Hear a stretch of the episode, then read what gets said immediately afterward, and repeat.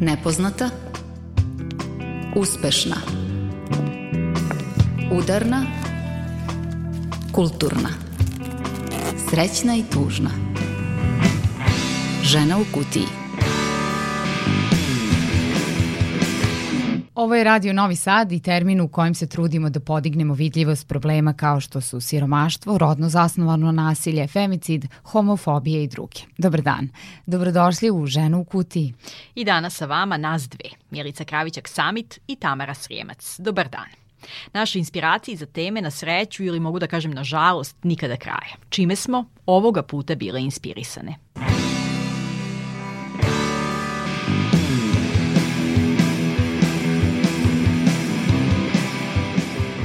17. maja na Međunarodni dan borbe protiv homofobije, lesbofobije, bifobije i transfobije bile smo u prostorijama grupe Izađe.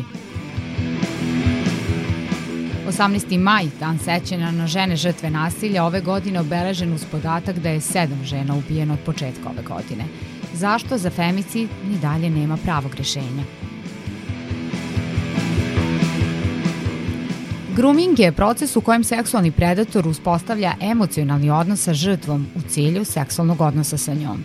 Taj fenomen vezuje se za seksualno nasilje i osvetničku pornografiju, dekonstruišemo ga u ženi u kutiji. Novinarska nagrada Refleksija za dostojno izveštavanje o siromaštvu dodeljena četvrti put. Ove godine u prvom planu novinarski radovi o pandemiji ko su nagrađene koleginice i kolega u rubrici Uspešna.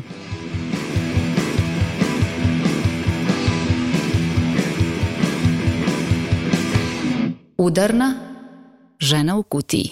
Konačno Skupština Srbije usvojila zakon o rodnoj ravnopravnosti na koji čekamo godinama i izmene i dopune zakona o zabrani diskriminacije.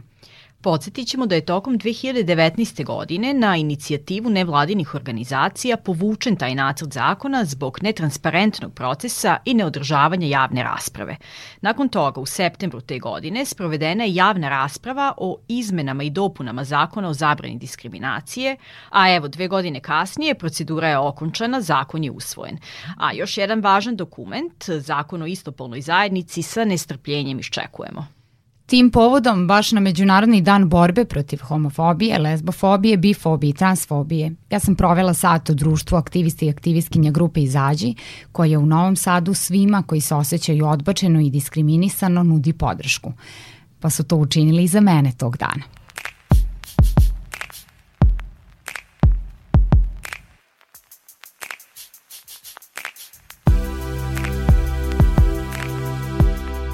Kafu mi je skuvala Paola, tu je i Laura koju znam od ranije. Dve autentične žene, to je sve što mogu da kažem na prvu iz kratkog razgovora sa njima.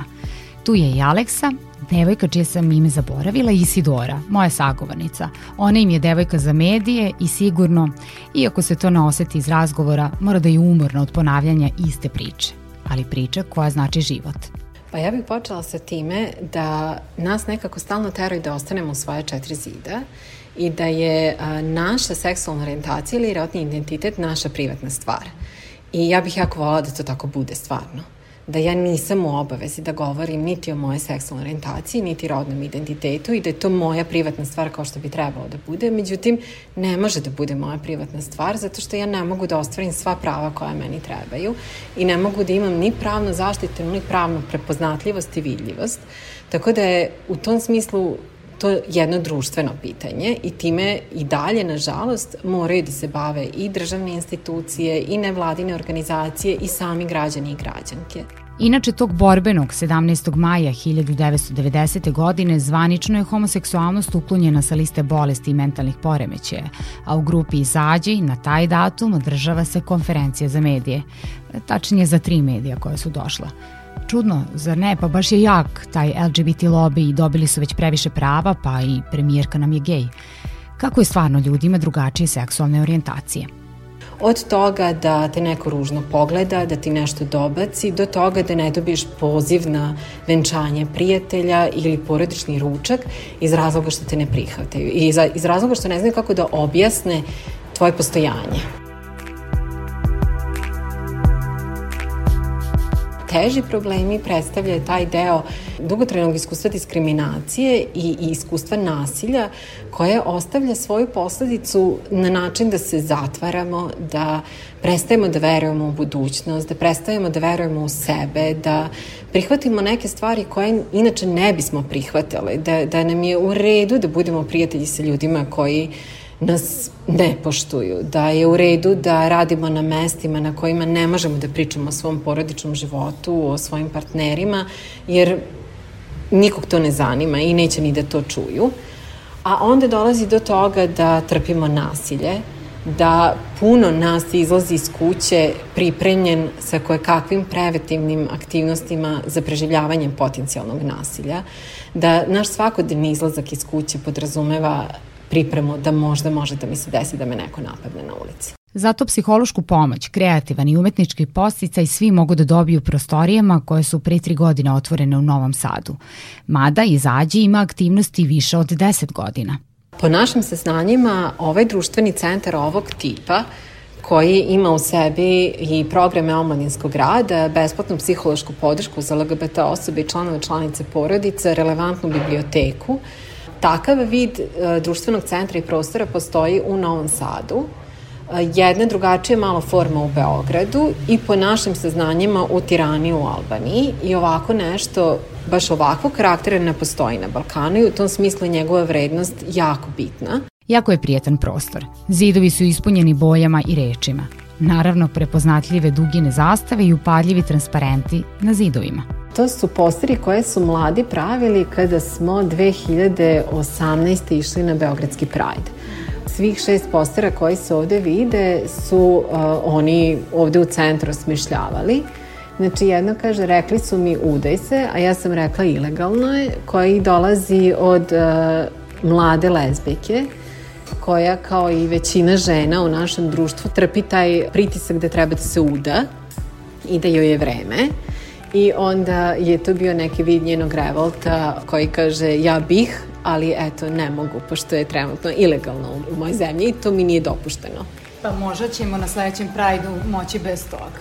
To bi bilo divno.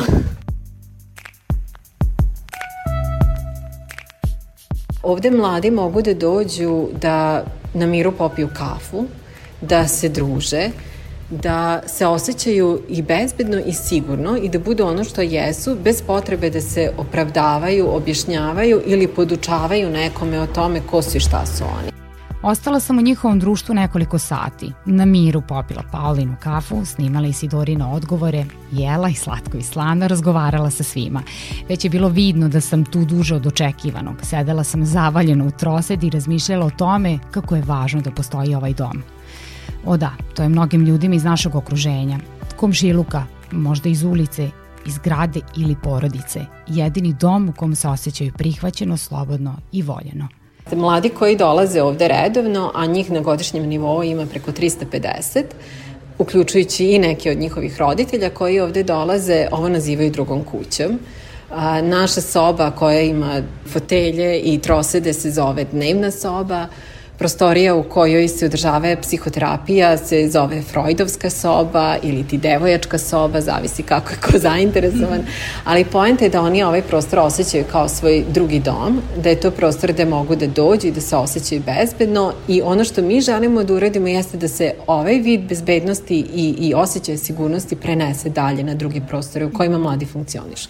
Želimo da ih ohrabimo, da pričaju sa svojim prvenstveno ukućanima i članovima porodice, pa onda i sa svojim prijateljima i sa drugima u svojim školama ili radnim mestima, da i te druge prostore polako osvajaju tako što će biti jasni, glasni, vidljivi, snažni i tako što će oni prvo sebi reći ja sam tu, ja postojim i onda isto tako nastupiti prema drugima. Ne, mi koji to sve ne razumemo, ne treba nikada više da polemišemo u javnosti i glasno iznosimo svoje mišljenje o gej zajednici, o propisima, o prajdu, o usvajanju dece. Samo treba da shvatimo da je ovde reč o preživljavanju, o prihvatanju sebe, o ljubavi, o drugom ljudskom biću. Amen. Dosta je iscrpljujuće. Trudimo se, bar ja lično, da ne pratim ono što ne moram, da isključim komentare na društvenim mrežama, da ne gledam vesti, pogotovo da ne gledam pojedine kanale na kojima se senzacionalistički obaveštava o ovoj temi, jer je dosta bolno. Zato što nekim ljudima je, kao što rekoh, to metalna gimnastika, to je nadmudrivanje, to je igra moći, za nas je to život. To je pitanje da li uh, ću ja sa, sa mojom partnerkom biti prepoznata u ovom društvu ili ne, da li ćemo mi imati neku pravnu zaštitu, da li će naša porodica moći da proslavi sa nama na način to na koji je moja porodica proslavila sa mojom sestrom, njen, njen brak. Znači, to su sve te neka pitanja koja su vrlo životna, vrlo emotivna i teško je gledati takve stvari i boli I onda da bismo preživeli moraš da otupiš, da isključiš, da ne pratiš i da se nadaš da tamo ljudi zapravo znaju o čemu se ovde radi i da prepoznaju taj bol i da prepoznaju potrebu za tim i da će, eto, isklasati taj zakon za početak.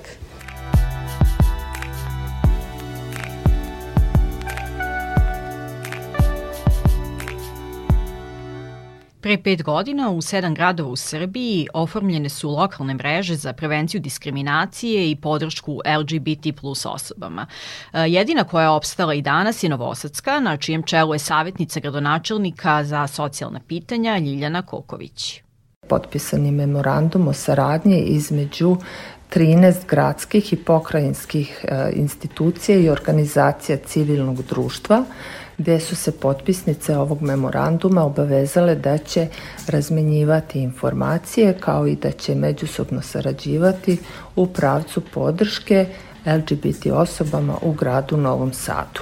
Koordinatorka mreže dodaje da je sradnja između sektora dobra, gde se članice LGBT zajednice osjećaju podržano i sigurno, što jeste i cilj rada. Probleme sa kojima smo se susretali jesu upravo ono što predlog teksta zakona o istopolnim zajednicama i predviđa, a to je e, problem zapošljavanja, problemi e, kada se ljudi u istopolnoj zajednici nađu po pitanju lečenja, po pitanju smeštaja u neku ustanovu. Ovo nisu samo prava LGBT osoba, nego i obaveze. Dakle, oni moraju isto tako E, da regulišu i neke ili dugove ili poreze i tako dalje. Tokom ovih godina e, su se i same institucije e, koje nisu članice lokalne mreže priključile, tako da imamo predstavnike iz Doma zdravlja Novi Sad, predstavnike iz školskog odbora, iz Instituta za javno zdravlje Vojvodine i Komisije za rodnu ravnopravnost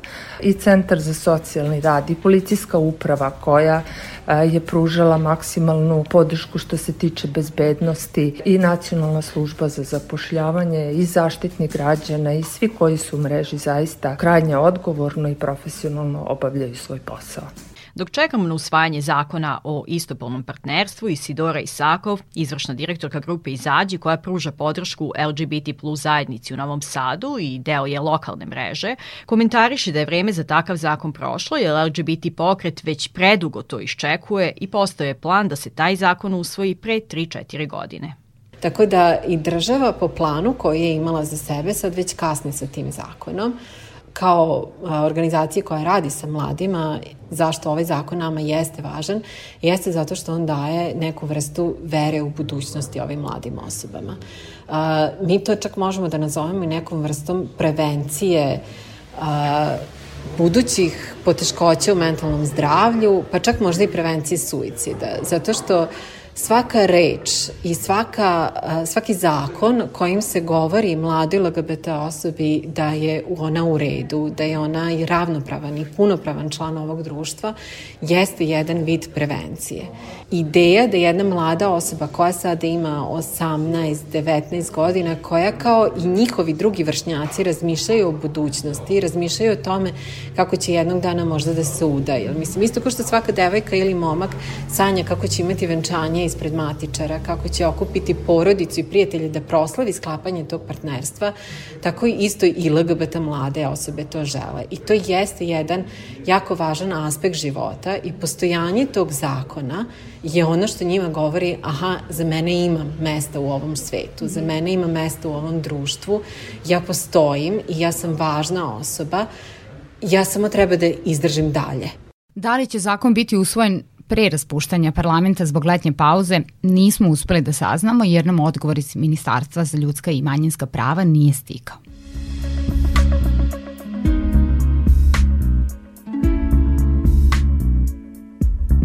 Ljudska prava nama su uvek prioritet, a tako bi trebalo da bude i zato je naša muzička poruka posle ove priče pesma Ljubav. Duet Josipe Lisac i riječkog indie pop sastava Kvazar. Kad zastori padnu Kao tihe kapi kiše na tlo.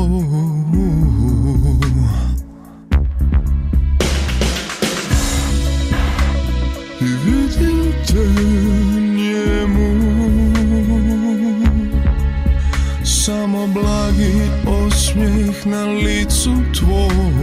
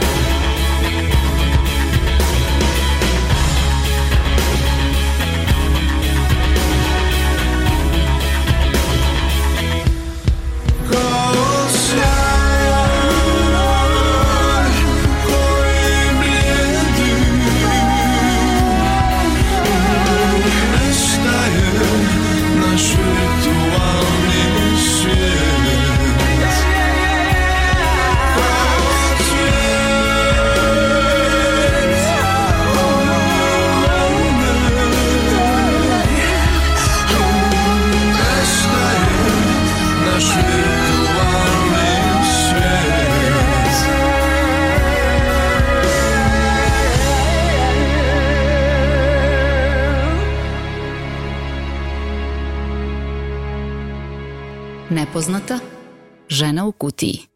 Prošle sedmice ženske nevladine organizacije kao i predstavnici institucija obeležili su 18. maj, dan sećanja na žene žrtve nasilja. Obeležavamo ga i mi u današnjoj emisiji. Da podsjetimo, od 16. do 18. maja pre šest godina, dakle 2015. sedam žena ubijeno je od strane supruga i članova porodice u Velikoj plani, Kanježi, Čačku i Beogradu. 2017. vlada Republike Srbije upravo 18. maj proglasila je danom sećanja na inicijativu mreže Žene protiv nasilja, a kakva je danas statistika kada je u pitanju femicid? Znamo li uopšte šta je femicid? Koliko nam je poznat fenomen, govori Vedrana Lacmanović iz Autonomnog ženskog centra. Vedrana, šta kažu podaci AŽC? Koliko femicida se dogodilo ove godine? I ove godine nas zapravo dočekuju porazni podaci, odnosno porazna statistika, e, sedam žena ubijeno je od strane partnera ili člana porodice od početka godine, osim toga zabeleženo je jedan slučaj gde je žena ubijena od strane pljačkaša, jedan slučaj u kome e, je žena izvršila samoubistvo, nema informacije o tome da li je ona prethodno preživljavala nasilje imajući u vidu da e, nije utvrđen njen identitet. U jednom slučaju mediji su izveštavali o tome da da postoji sumnja da je žena ubijena od strane partnera, međutim nadležne institucije su izvestile da je reč o prirodnoj smrti i u jednom slučaju još uvek nema podataka o tome kako je nastupila, dakle da li je reč o samoubistvu ili ubistvu. A šta nam govori činjenica da je čaj slučaj da je žena ubijena nakon što se nekoliko puta obraćala institucijama za pomoć? E, da li je tada femicid mogao biti sprečen? Zašto nije? Čiji bi to uopšte bila odgovornost? Uh, ono što je porazno jeste da kada govorimo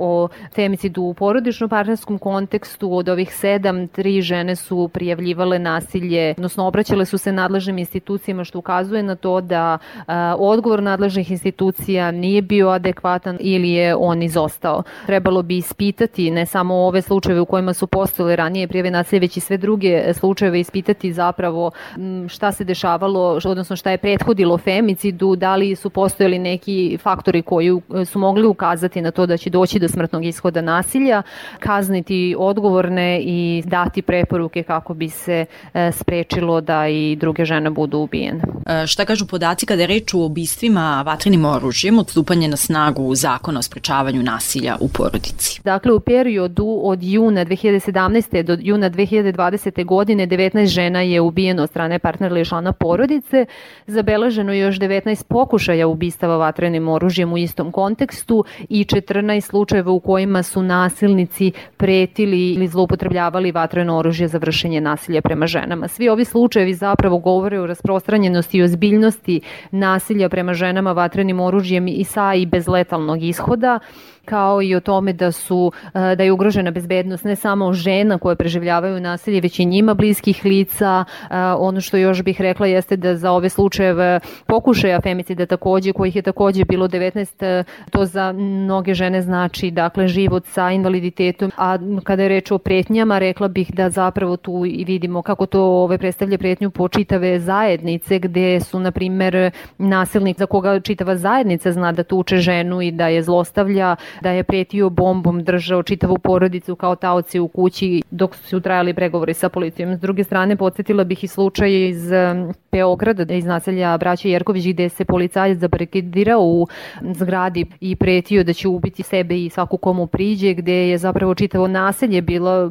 taoci žrtva ovog problema, ali i čitava javnost Srbije pratila budno šta se dešava imajući u vidu da su mediji prenosili da su pregovori policije sa učiniocem trajali satima dok se on na kraju nije predao. Da li se nešto promenilo od donošenja zakona o sprečavanju nasilja u porodici? Ima li pozitivnih promena? Moram da kažem da zapravo zakon o sprečavanju nasilja u porodici novine koje je uneo jeste hitne mere e, zaštite i obavezna procena bezbednostnih rizika, individualni plan e, ovaj, zaštite i podrške za žrtvu koji su vrlo značajni i za šta ženske organizacije godinama unazad zagovaraju. E, međutim, jako je važno imati u vidu da mere koje predviđa zakon o sprečavanju nasilja u porodici predstavljaju mere preventivnog karaktera i ako bismo to gradirali, rekli bismo da te mere se daju u slučajevima kada je procenjen nizak stepen rizika od smrtnog ishoda nasilja. Kada je reč o femicidima, kada se procenjuje da postoji visok rizik od smrtnog ishoda nasilja, potrebno je primeniti krivični zakonik, hapšenje i e, ove pritvaranje učinioca i ne, pokretanje e, krivične prijave za nasilje u porodici i tako dalje, dakle neke ovaj, ozbiljnije mere imajući u vidu procenjene rizike. Mediji predstavljaju i dalje jedini izvor podataka na osnovu kog autonomni ženski centar u saradnji sa organizacijama, članicama mreže žene protiv nasilja izveštava javnost o femicidu. Ima li naznaka da će postojati registar odnosno dostupni podaci MUPA ili drugih institucija? E, pre svega rekla bih da u trenutku kada se počelo prikupljanje podataka iz medija pre 10 godina, odnosno 2010. godine, e, mediji su predstavljali i tada jedini javno dostupan izvor podataka o femicidu, a zapravo ova praksa započeta je po uzoru na ženske organizacije u Španiji i Italiji. Iz, na primer, evidencije policije nije bilo moguće utvrditi da li je smrt nastupila kao posledice saobraćanja nesreće ili ona posledice, na primer, nasilja u porodici, nije bilo moguće utvrditi pol učinioca i žrtve i relaciju učinioca i žrtve, te nije bilo moguće kvalifikovati neko ubistvo kao femicid. Takođe, rekla bih da ne bih mediji isključila kao izvor podataka zato što smatram da su u velikoj meri doprineli i vidljivosti znanju o samom društvenom problemu femicida e, i samom i terminu i njegovom značenju, ali takođe da predstavljaju i javno i brzo i lako dostupan izvor podataka. Nekad ovaj, se čini da oni imaju i više ovaj, podataka od nadležnih institucija, ali svakako bi bilo potrebno prikupiti sve moguće podatke, dakle sve podatke koji postoje, da li sada u državnim evidencijama, dakle nekih nadležnih institucija ili u medijima. Dakle, to mogu biti osim medija i medicinski izveštaj i obdukcioni nalazi, evidencija policije, mogu da se prikupljaju podaci od članova porodica i tako dalje. Zapravo je potrebno prikupiti što više informacija o svakom konkretnom slučaju, istražiti šta se dešavalo, šta je prethodilo jel, e, ubistvu, šta se desilo, da li je bilo nekakvih propusta i dati preporuke da e, se spreči da i druge žene budu ubijene. Inicijativu da se 18. maj proglasi danom sećanja podržao je Onomad svojim potpisima 8000 građanki i građana. Zašto je važno da postoji dan? E, on nam je važan da bi se setile svih žena koje su ubijene samo zbog toga što su žene, a kako onih čija imena smo saznali iz medija, ali tako i onih čija imena možda nikada nećemo saznati i da bismo podsjetili državu da je odgovorna da sprečava i suzbije nasilje prema ženama, da je odgovorna što nije zaštitila e, živote svojih građanki i da je potpisala brojne konvencije i donela brojne zakone koji se tiču politike zaštite žena od nasilja, koji ne smeju ostati samo deklarativni, odnosno ne smeju ostati slovo na papiru. Kampanja mreže žene protiv nasilja, da li zna šta je femicid, aktuelna je na društvenim mrežama proteklih nedelja sa idejom da se šira javnost upozna sa fenomenom. U kampanji su učestvovali ličnosti iz javnog života, brojne aktivistkinje i jednoglasno su poslali poruku i objašnjenje šta je femicid. Da li znaš šta je femicid? Jer ako ne znaš šta je femicid, onda ne znaš da je sve veći broj žena koji je ubio muž, otac, brat ili sin. Jer ako ne znaš šta je femicid, onda ne znaš da žene ne mogu da se zaštite same. Femicid je zločin pojedinca na koji mora da reaguje društvo. Femicid je ubistvo žene. Femicid je ubistvo žene. Femicid je ubistvo žene. Femicid je ubistvo žene. Za kraj, Vedrana Lacmanović iznosi svoj utisak o tome da li je društvo u dovoljnoj meri osvestilo problem. Da li znamo šta je femicid? Svaka druga žena će preživeti neki oblik nasilja od strane partnera ili člana porodice tokom života. E, femicid, odnosno ubistva žena, predstavljaju nekakav jel, samo krajnji i najbrutalniji ishod tog nasilja. E, da li dovoljno znamo šta je femicid? Rekla bih da su u velikoj meri mediji i generalno ženske organizacije doprinele e, ne samo vidljivosti samog problema, nego i značenju i samog termina, ali rekla bih takođe da postoje izvesni otpori koji su povezuju sa patrijarhatom kao takvim, e, gde se zapravo postoji otpor prema, jeli, stalno se pita pa a u čemu je razlika, jel, na homicid ili na druga vrsta ubistava žena, koje, dakle, nije toliko vezano za a, ovaj, nepoznavanje samog termina, već pre svega na jedan patrijarhalni otpor koji odbija zapravo da se zločini prema ženama evidentiraju i da se pošalje poruka da, da tako nešto ne sme da se ponovi i ne sme da se dešava. Da treba da se stvara atmosfera nulte tolerancije na na nasilje prema ženama. Femicid je ubistvo žene. Femicid je ubistvo žene. Femicid je ubistvo žene. Femicid je ubistvo žene. Da, i tu nema kompromisa, to poručuju i novoseđani Kilo Kilo Banda u pesmi sa njihovog novog albuma koji smo jedva čekali. Prvi singl koji je izašao pred kraj prošle godine kaže Nema kompromisa.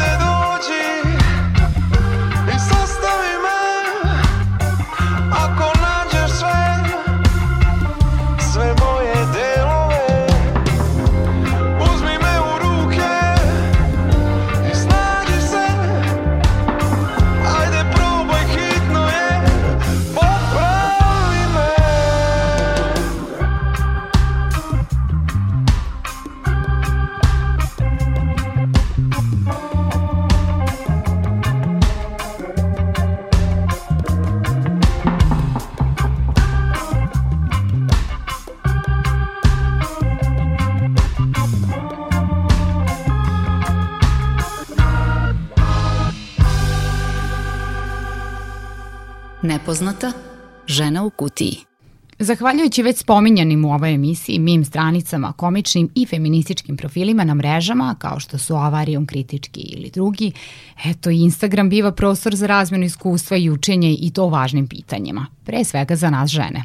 Sve je počelo od rečenice. Važan podsjetnik za devojke i devojčice, ako vam prilaze stariji muškarci sa forama, baš si zrela za svoje godine. Nisi, samo njega ne žele žene njegovih godina a nastavilo se višednenim deljenjem ličnih iskustava o groomingu devojaka iz celog regiona. Prenosimo dve takve priče.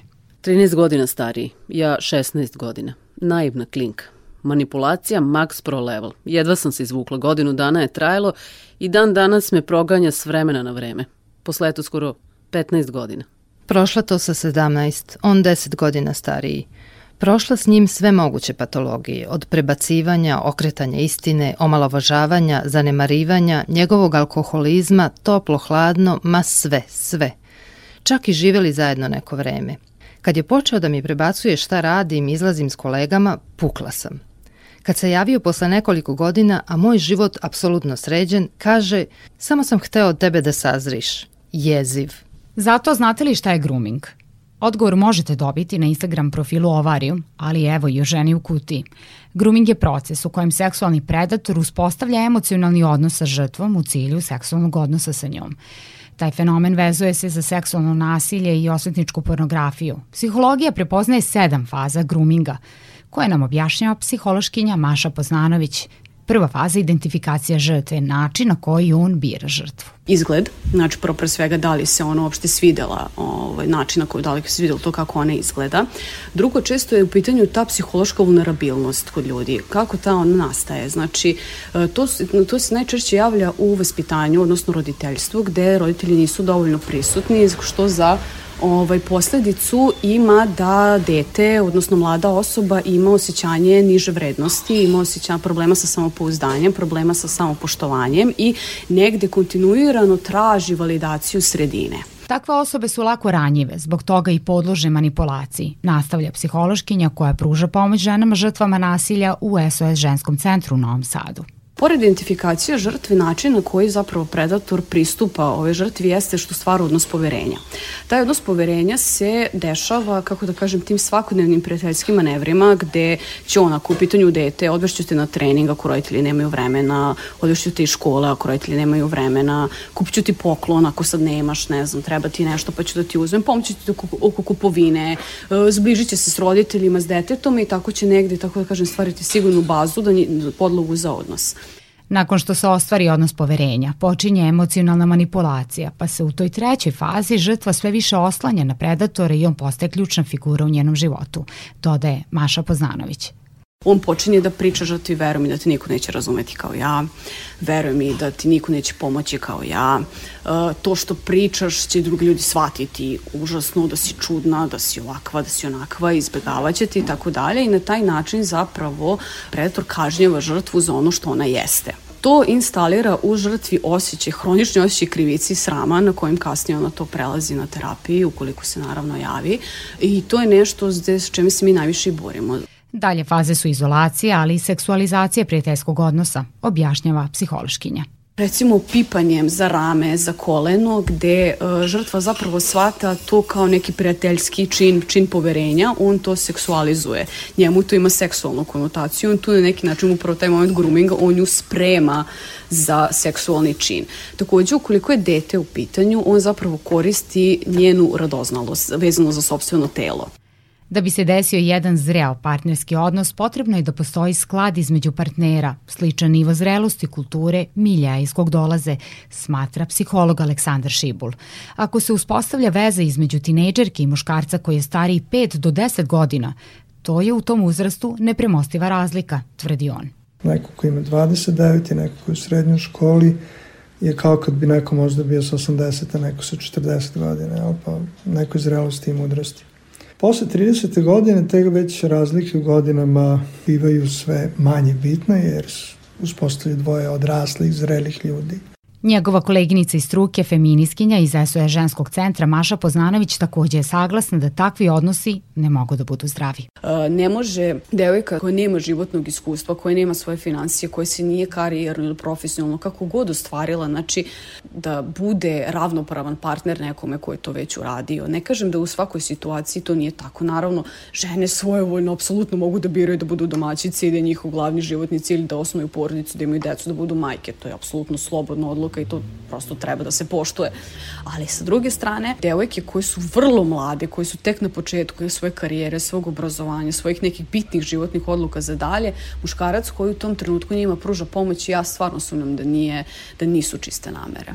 Aleksandar Šibul tokom svoje bogate karijere, ali i u razgovorima sa mladima na školskim radionicama uočio je šablon po kom se odvijaju takvi zavisnički odnosi, koji su uvek iskoristi, kako ističe. Devojčice, pogotovo koji imaju problem sa ocem ili nedostatak oca, oni tu očinsku figuru zamenjuju u starijim partnerima. Pak stari partneri opet i svoje neke patologije žele za kontrolom, misle da ako ja počnem da se zabavljam sa nekim koji je u srednjoj školi, ja ću modelovati po svom nekom principu. I tu uvek imamo zavisničke odnose. To nije ljubav, to je odnos iz koristi, psihološke koristi, seksualne koristi, želju za dominacijom, želju za kontrolom, a partnerski treba odnos da bude ravnopravan. Postoji taj perfidni, manipulativni deo u tim odnosima, gde ti si niko i ništa i ti moraš da ostaneš mala, jer ako si ti mala, ti ni podaštvaš moju sliku od meni. Mislim, to su, to, te stvari proizilazi čiste nemoći kompleksa starijeg čoveka Znači, e, zašto ti, e, mislim, to možemo kroz celu psihologiju nasilja da provučemo, znači, ako, koliko se, znači, vršnjačkog nasilja, kad se dešava, mm. šest na jedan, mislim, isti je zapravo mehanizam ako malo bolje razmislimo, znači, zašto ti jedan ne napadneš njega, mislim, zašto ne napadaš nekog sebi ravnog, zašto diraš nekog ko je mlađi, ko je ranjiviji, ko je slabiji, zašto, tako je, uvek je ta disproporcija u moći i to i proizilazi iz nekog kompleksa. Kako psihološkinja Maša Poznanović kaže, u korenu groominga i patoloških odnosa uvek je zloupotreba moći predatora u odnosu na žrtvu. Takođe, jako je bitno da se negde napomeni taj odnos moći između muškaraca i žena u našem društvu. Znači, često su predatori ljudi na nekoj poziciji. Bila to neka društvena pozicija u smislu da je to roditelj od neke tvoje drugarice, da li je to tvoj učitelj, profesor, da li je to možda najbolji prijatelj od tvog tate sa kojim on sarađuje. Sve to negde, kako da kažem, prati taj osjećaj da je on nadmoćniji od tebi da ti ne možeš ništa. Ponašanje dece uslovljeno je roditeljskim partnerskim odnosima, smatra psiholog Šibul. Iz patološkog odnosa nastaje potreba da se za tim i dalje traga, zato je porodična psihoterapija važna da razumemo sebe i svoje istinske potrebe, a ne da učimo samo iz sobstvenog iskustva koje može biti loše. Jeste, jeste. I onda su stvari često uspostavljaju veze sa osobama koji imaju strukturalne poremeće ličnosti, da li su narcisoidni, da li su to psihopatske, sociopatske i tako dalje. To su ljudi koji su fini, ljubazni na početku, koji će sve učiniti za vas. Vi ćete ih opisivati da su oni neverovatni, puni ljubavi i uslužni, međutim, posle par meseci ta maska pada i onda se jave snažno ljubomora, želja za kontrolom, ograničavanjem kretanja, estetizacijom partnera i, i tako dalje, dakle zarobljavanjem. Znači, iz takve veze, kad to prepoznamo, samo možemo da bežimo. Apsolutno, zato što i su u pitanju ličnosti koji imaju strukturalni poremećaj, to bi psiholozi rekli loše tkanje, dakle to nije nešto što može da se tretira. Dakle, ne dopuštati vreme, ne trošiti vreme, napustiti i tražiti funkcionalnu vežu. Takve veze mogu da traju godinama, takve veze, pogotovo, mislim, opet pričamo, vraćamo se na psihološku narabilnost deteta ili mlade osobe, ili ne mora uopšte da bude mlada osoba, može da bude osoba iz ranjive kategorije, marginalizovane grupe koje nema da li sredstava ili jednostavno nema dovoljno samopouzdanja, samopoštovanja od strane društva svoje primarne porodice, da je njima to jako značajno i njima, kako da kažem, ka, ta napuštena deca, uslovno rečeno u socijalnom kontekstu, koji postaju napušteni odrasli, su jako podložni takvoj vrsti manipulacije. Pomoć može da se pruži samo ako osoba to želi, saglasni su sagovornici, uz naravno apel da intervenišemo ukoliko vidimo da je osoba životno ugrožena. Iz lošeg partnerskog odnosa može da se izađe, tvrdi novosadski psiholog koji se sa takvim primerima susreće u karijeri.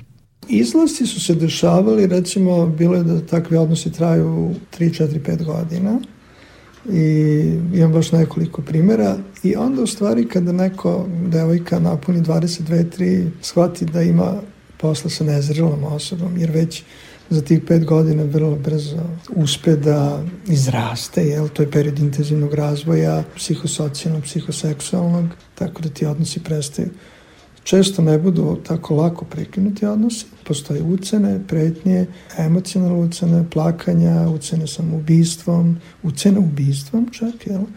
Jer što je snažnija patologija, odnosno što više partner zasniva svoj odnos sa svojim partnerom kao ekstencionalno bitnim, a onda se dešava da kad se ovaj drugi partner izmakne, da se partner osjeća ugroženo jer misli da time gubi smisao i život i onda nosi u smrti sebe i drugog. Zreo odnos je odnos iz ljubavi i slobode, ne iz nužnosti bilo koje vrste, finansijske, estetske, seksualne, zaključuje psiholog Aleksandar Šibul. Kada prelazi neko naše granice, odnosno govori nam kako treba da se ponašamo, šta da radimo, s kim da se družimo, takvi ljudi često nas odvajaju od naših primarne porodice, prijatelja, nikom se ne dopada, svi su loši. Znači, kada to čujete od nekoga da želi da vam takve poruke saopšte, bežite glavom bez obzira. Jer partnerski odnos je odnos dvoje ljudi u jednom ravnopravnom odnosu. Uspešna. Žena u kutiji.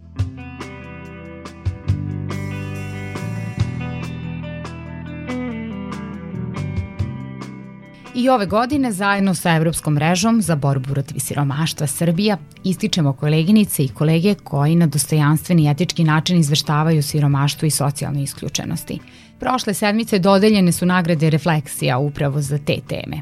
Tamarija ponovo ulozi ambasadorki i podizanja vidljivosti tema, nagrade i profesionalnog rada. Nagrada se dodeljuje četvrtu godinu za redom, ovoga puta u četiri kategorije. Prethodne godine imali smo kategoriju štampanih i online medija, zatim radionovinarstvo i za kraj TV paket, a od ove godine tu je i medijska fotografija. Pristiglo je 17 radova i većina je bila u znaku epidemije. I kako kaže Dobrila Marković iz Evropske mreže protiv siromaštva, pandemija je obeležila medijsko izveštavanje u prethodnoj godini i teme siromaštva gurnula u drugi plan skoro 90% radova bili su upravo o pandemiji i siromaštvu i koliko se položaj ljudi koji su već bili ugroženi sada još dodatno pogoršao, kako što se tiče dece i odlaska u školu ili nemogućnosti odlaska u školu pa do toga kako izgleda život na ulici u situaciji kada je zabranjeno biti na ulici, da li ti ljudi imaju priliku uopšte negde da se sklone i kako su se oni snalazili, koliko je negde država to tretirala kao problem ili ne, ili se to možda izignorisalo. Sa druge strane, primetilo se poprilično i po broju radova, koji je u odnosu na prošlu godinu e, negde i manji s obzirom da je glavna tema u stvari bila sama pandemija i da e, negde sve druge teme kao što su siromaštvo, ali bilo šta drugo nije toliko bilo zastupljeno u medijima koliko se razgovaralo o merama, o, o brojevima i o tome šta će se desiti u narednih par dana. Tako da definitivno jeste pandemija ostavila poprilično negde trag na, na sve ovo, kako na same radove, ali tako i na, na broj radova koje izveštavaju siromaštvu. Od početka ideja nagrade jeste da se novinari motivišu da pišu o siromaštvu, dodaje ona. Ali misija ni dalje nije do kraja ispunjena. Tema o socijalnoj isključenosti nema dovoljno. Statistiku popravljaju ovogodišnji finalisti i svi koji su učestvovali na konkursu. U Ženi u kutiji reč dajemo pobednicima.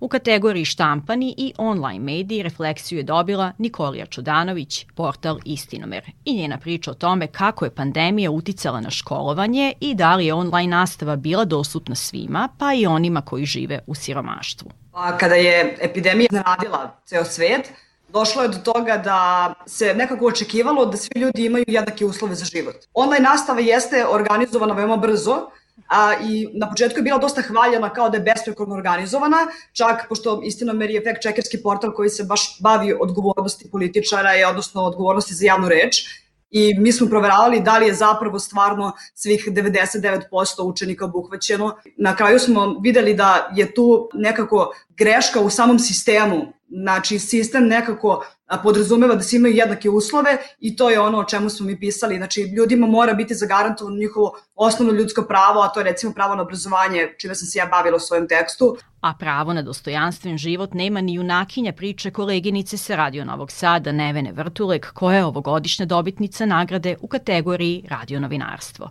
Devetogodišnja Kristina iz njene nagrađene priče govori o iskustvu siromaštva u našoj zemlji.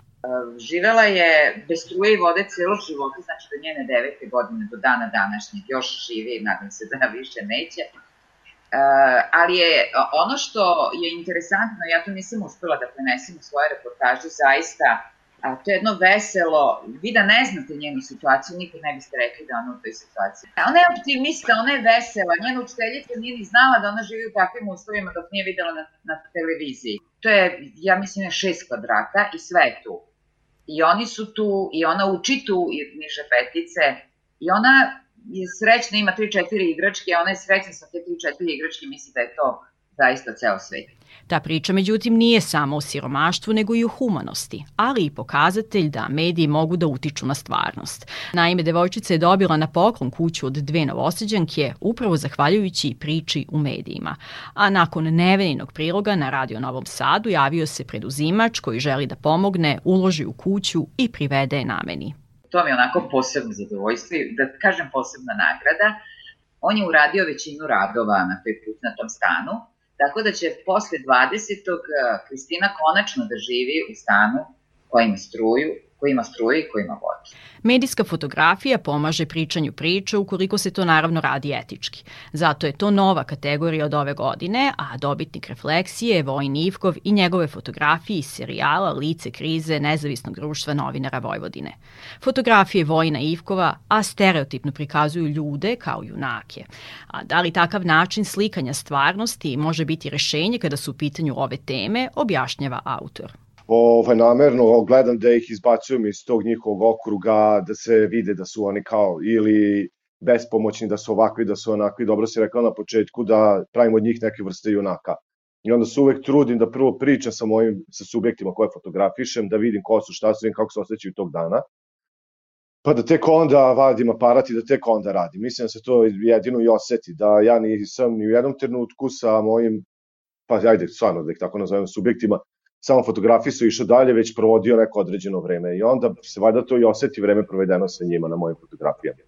Kseniju Pavkov sa N1 televizije je priča o beskućniku i prodavcu magazina Lice ulice Tiboru dovela do nagrade. Koliko je zahtevno ispričati nečiju životnu priču, putem nje skenirati društvene i sistemske probleme, probuditi empatiju, a ne skliznuti u patetiku i sve to u samo dva, dva i po minuta, objašnjava nagrađena novinarka prilično je teško, ali je ujedno i strašno važno, jer kroz primer možda i bez nabrajanja nekih brojki, statistike i tako dalje, možda i bolje može da se približi problem siromaštva, problem života na ulici nego nabrajanjem nekih pukih brojki, statistika i tako dalje. Ja moram da kažem da sam u dva minuta, nažalost, uspela da ispričam samo delić e, Tiborove priče. E, odabrala sam taj ugao kako je ljudima koji su na ulici dok smo mi svi u kućama. Negde za vreme pandemije smo svi se strašno žaljeli, ja, eto, zatvoreni smo u kućama. U vreme kada je bio policijski čas, kada su svi bili zatvoreni, viđala sam ljude koji nemaju gde da budu. I strašno me to kopkalo i zanimalo koliko se zapravo sad život tih ljudi koji su na margini otežao kada su svi zatvoreni, kada su zatvoreni možda i ljudi i institucije koje im inače pomažu. I zaista to je bio ugao koji sam odabrala kada sam radila priču o Tiboru. Naravno, opet kažem, samo delić njegove životne priče koja je mnogo bogatija, mnogo šira, koju sam ja čula, ali nažalost nije mogla da stane u ta tri minuta, jer prosto takav imperativ i našeg zanata. Mi moramo da snimimo mnogo više materijala, mnogo više da se upoznamo i sa osobom u kojoj radimo i sa temom i da na kraju nekako to spakujemo u tri minuta. Žiri nagrade Refleksija svake godine čine ljudi sa iskustvom siromaštva, socijalno ugroženi osobe iz marginalizovanih grupa. Ove godine sedam članova i članice. Jedan od njih je Tibor Čizmar, upravo junak iz pobedničke priče Ksenije Pavkov. Kada si mi rekla da je Tibor u žiriju, bilo mi je strašno drago, jer mi je to negde bila potvrda da je i on zadovoljan time kako sam ja priču uradila. Onda sam pokušavala da se setim, pogledala sam prilog i shvatila da je meni jednako živo ostalo sve ono što je on ispričao, a što nije, nažalost, stalo u prilog. On je zvezda ove priče i posebno mi je drago što, što smo nagrađeni oboje i naravno moram da kažem da je tu i moj snimatelj Aleksandar Milanović koji ne da ima fantastično snimateljsko oko i talent i iskustvo, nego ima vrlo slične, iste svetonazore kao i ja, osjećaj za socijalnu pravdu a to upravo rade ovogodišnji dobitnici nagrade Refleksija. Utiske o nagradi iznose za kraj i Nikolija Čudanović, Nevena Vrtulek i Vojn Ivkov. Pa evo ako imam nekako dva utiska. Prvo je ovo stvarno posebna nagrada iz tog razloga što je moja prva nagrada i to je nekako znak da sam na nekom dobrom putu, odnosno da to što radim ipak nešto redi. A ta druga stvar koja je meni je bitnija je što ovu nagradu zapravo dodeljuju ljudi koji imaju iskustvo života u siromašnim okolnostima i ljudi koji su prepoznali da sam ja lepo prikazala to i što najbolje od svega što sam im pružila podršku jer novinari su tu da rade u interesu svih naravno građana.